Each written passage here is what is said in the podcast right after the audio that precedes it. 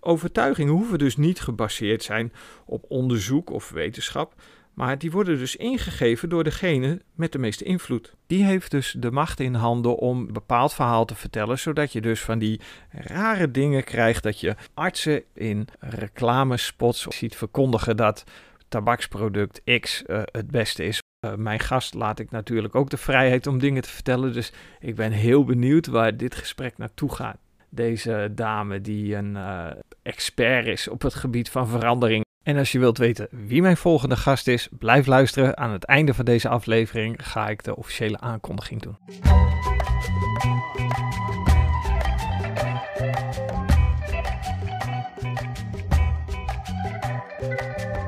Hey, tof dat je weer luistert naar een uh, nieuwe aflevering van de Rookstop Buddy podcast Leven als een niet-roker. Deze aflevering een wekelijkse update van het leven als niet-roker. Uh, waar ik het over ga hebben is uh, overtuigingen. Voordat ik daarmee begin, heb ik even een huishoudelijke mededeling. Een uh, leuke teaser voor de vaste luisteraars, want ik mag aankondigen dat ik volgende week weer een opname ga doen met een gast. En als je wilt weten wie mijn volgende gast is, blijf luisteren. Aan het einde van deze aflevering ga ik de officiële aankondiging doen. Maar om te beginnen, uh, overtuigingen. Hoe kom ik daarop? Ik heb altijd weer haakjes uh, waar ik aan blijf hangen, over na ga denken en die informatie die deel ik dan met jullie. En uh, het heeft ermee te maken dat ik onlangs, een aantal weken geleden, weer eens oude reclames zat te bekijken. En dan met name de oude reclames over het roken, maar in het algemeen. En uiteindelijk kom je dan weer bij tabaksreclames uit als je rookstopbuddy heet. En wat me dan opvalt, is dat, uh, dat er beweringen in zaten in de jaren 50, 60 tot in de jaren 80, 90 aan toe. Uh, zaten er beweringen in tabaksreclames waarin je werd verteld dat je slank blijft door te roken. En um, dat het dan door een dokter wordt aangeprezen. Nou, iedereen die uh, op de website van Rookstop Buddy uh, heeft gekeken, die heeft wel eens van die plaatjes van oude reclames gezien. Het Rookstop Buddy notitieboekje staat vol mee. Ik vind ze prachtig. Maar daar zie je, zie je dus ook een dokter in, in een witte jas afgebeeld, die dan adviseert om een bepaald merk sigaret te roken, omdat je dan minder ervan gaat hoesten. Nou ja, goed, als je niet rookt, dan uh, hoes je sowieso een stuk minder. Want je bent ook minder vatbaar voor allerlei andere uh, ziektes die uh, de kop op kunnen steken. Ja, ik zat dus op het internet te browsen. Ik kwam weer een paar van die reclames tegen. En toen zat ik me te bedenken, die, die dokters, die rookten destijds dus zelf ook. En um, die gaven dus het voorbeeld in gedrag wat eigenlijk gewoon ontzettend broed voor je gezondheid is. En uh, toen zat ik zo uh, te denken van ja goed, dan ben je dus overtuigend uh, bezig. Hè? Voorbeeldfunctie. Ik zie mezelf ook als voorbeeldfunctie naar jullie luisteraars. Maar in de eerste instantie naar mijn kinderen. Dus ik ben heel erg gaan letten op mijn gedrag. zeker toen ik me realiseerde van, dat ik als een roker mijn kinderen het advies gaf van ja, je moet nooit sigaretjes gaan roken en daarna de deur uitliep om buiten een sigaret op te steken. Dat werkt dus niet. Um, je kunt dingen vertellen, maar daden doen er echt toe. Um, nou ja, goed, weet je, die, die reclames, die, die vormgeving, ik vind het mooi. Ik hou van de jaren 50, 60 vormgeving. Maar ze vertellen uh, dus ook, het zijn uh, nou, net zoals schilderijen uit voorgaande eeuwen, toen er nog geen foto's of televisie was.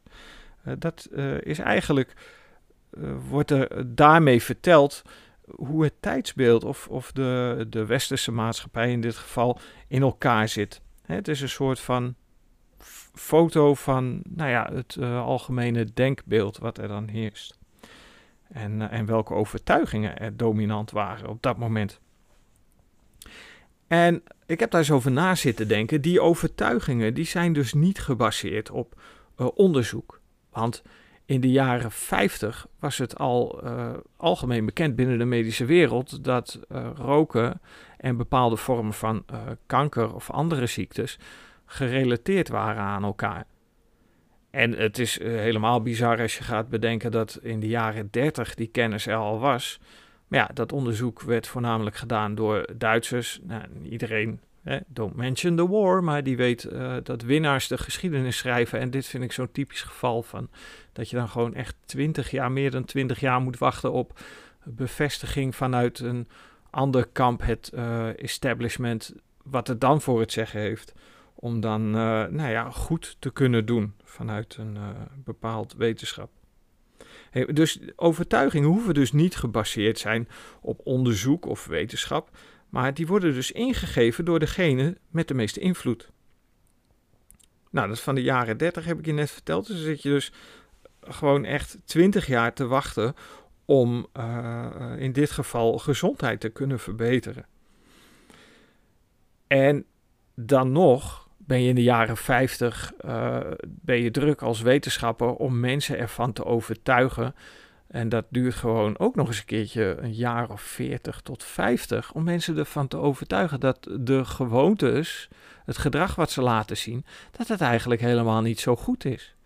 En als je terugkijkt in de geschiedenis, dan zie je altijd dat er een bepaalde massa voor nodig is binnen het publiek die uh, met die overtuiging uh, meebuigt, die, die daar nieuwsgierig naar wordt in de eerste instantie, uh, hun eigen onderzoek naar gaan doen, de waarheid ter discussie, hè, de waarheid tussen, tussen aanhalingstekens in dit geval, de waarheid ter discussie gaat stellen. En dan, ehm, dan komt er dus een kantelpunt. En zolang dat kantelpunt er niet is, is er dus een kracht bezig die um, dat uh, denkproces, die gedachten en het gedrag kan manipuleren en beïnvloeden voor eigen winst, in, de, in het geval van tabaksindustrie. Uh, maar het is groter dan dat, want als je kijkt hoe de maatschappij in elkaar zit, hè, en dan kom je termen tegen als je daarin gaat verdiepen als het uh, groot consumptief industrieel complex. Ehm, die, die heeft dus de macht in handen om die informatie te manipuleren, een bepaald verhaal te vertellen, zodat je dus van die rare dingen krijgt dat je uh, artsen in een witte jas in reclamespots of uh, commercials in uh, week- of dagbladen ziet verkondigen dat product, tabaksproduct X het beste is, omdat je er minder van gaat hoesten of tabaksproduct Y goed voor je is om nou ja, een slanke lijn te behouden. Wat feitelijk niet meer dan uh, reclamepraatjes zijn.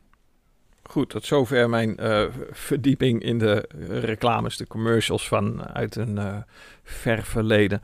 Um, er is nog iets wat ik, wat ik met jullie wil delen. Onlangs stond ik, was ik in gesprek met, met twee vrienden. En um, ik, ik moest denken aan een tweetal boeken die ik had uh, ja, twee boeken waren dat, geloof ik, die ik had gelezen in het begin van toen ik me bezig ging houden met, uh, wat ik nu rook stopbuddy noem. En um, die uh, titel van die, de lezer, schrijvers weet ik niet meer precies, maar de titels van die boeken zijn Getting Things Done en Eat That Frog. we waren aan het praten, vriend van mij, die, die stelde ik de vraag van, goh, hoe is het met jouw eh, idee om een uh, eigen studio te bouwen. Hij had daar software voor aangeschaft en ik had al een paar jaar, echt een paar jaar niks meer van gehoord van zijn uh, onderneming. En het bleek dus dat hij al vijf jaar gewoon de spullen in de kast had liggen om uh, nou ja, muziek te gaan opnemen. Gewoon lekker thuis, net zoals ik dat doe. Hè, je eigen studio bouwen en je ding doen. dus toen ik hem daarover hoorde zeggen dat hij eigenlijk nog niet verder is gekomen, uh, verbaasde me dat. Want um, ja, goed, het, deed mij denken aan, aan dus die twee boeken. En ik heb hem eigenlijk direct een strategie verteld. En oh ja, waarom het mij verbaasde is, omdat uh, hij ook het Rookstop Buddy programma had doorlopen. Dus hij moest eigenlijk, dat heb ik hem ook letterlijk gezegd, weten dat de enige truc om iets voor elkaar te krijgen is eraan beginnen. Uh, nou ja, goed, dat, uh, uh, dat heb ik al gezegd. Ik ben ook benieuwd, het is een eh, dikke week geleden dat we elkaar gesproken hebben, of hij hier iets mee gaat doen. Um, dus wil je iets beginnen, is, er, is er ook nog een strategie. En dat heb ik geleerd uit een workshop, cursus schrijven, die ik heb gevolgd, ook alweer een tijdje geleden. En daar werd me uitgelegd dat je, om, om een ritme op te bouwen, dat je een strategie kan inzetten. En die strategie is als volgt. Als jij een uh, simpele wekker hebt op je telefoon, iedereen die heeft een wekker tegenwoordig, en je gaat voor jezelf, uh, plan je iedere dag een paar minuten. In de eerste instantie begin je met vijf minuten. En in dit geval ging het dan over schrijven. Uh, maar dan ga je zitten, zet je de wekker op vijf minuten en je begint met schrijven. Dus je gaat gewoon beginnen, gaat schrijven. En na vijf minuten als de wekker gaat, hou je op, stop je. Nou, de volgende dag maak je er zes minuten van, dag erop zeven. En zo bouw je het uit tot het tijdsbestek dat jij zou willen besteden. Ik zelf uh, programmeer op die manier nooit meer dan 30 minuten in. Want uh, ik zie dat ik na 20 minuten dat de flow dan eigenlijk gewoon wel op zijn piek is. En dat het daarna alleen maar gaat afnemen. Dus dat je minder productief wordt. En um, nou, even een tip voor de vaste luisteraar. Om een, stra een strategietip om ergens mee te beginnen. En zo, ja, zo kun je dus ook je leven als niet-roker inrichten. Um, deze strategie kun je op alles toepassen. En ik ben, ik ben de laatste tijd erg aan het experimenteren. Misschien hebben jullie het gemerkt bij mijn laatste gast, het gesprek dat ik had met Joke Straathof. Dat heeft mij weer op een andere gast gebracht. En ik ga nu de aankondiging doen dat ik volgende week, notabene op Koningsdag, in de ochtend een afspraakje heb met Marije Berkelaar. Uh, Marije Berklaar, voor degenen die haar niet kennen, is, uh, was, moet ik zeggen, want ze praktiseert niet meer, maar de eerste huisarts die geen medicatie voorschreef. Uh, toen ze dat aankondigde in de pers, heb ik het opgepikt, ben ik haar gaan volgen op de social media waar ze gebruik van maakt. En um, nou ja, ze is wat dat betreft een heel andere weg ingeslagen. Um, als gevolg van haar eerste besluit om de eerste huisarts te worden die geen medicatie ging voorschrijven. Nou, dat zijn radicale veranderingen waar ik um, erg nieuwsgierig naar ben. En uh, dat, dat is dus ook het gespreksonderwerp, of het thema van het gesprek wat ik met Marije zou willen hebben.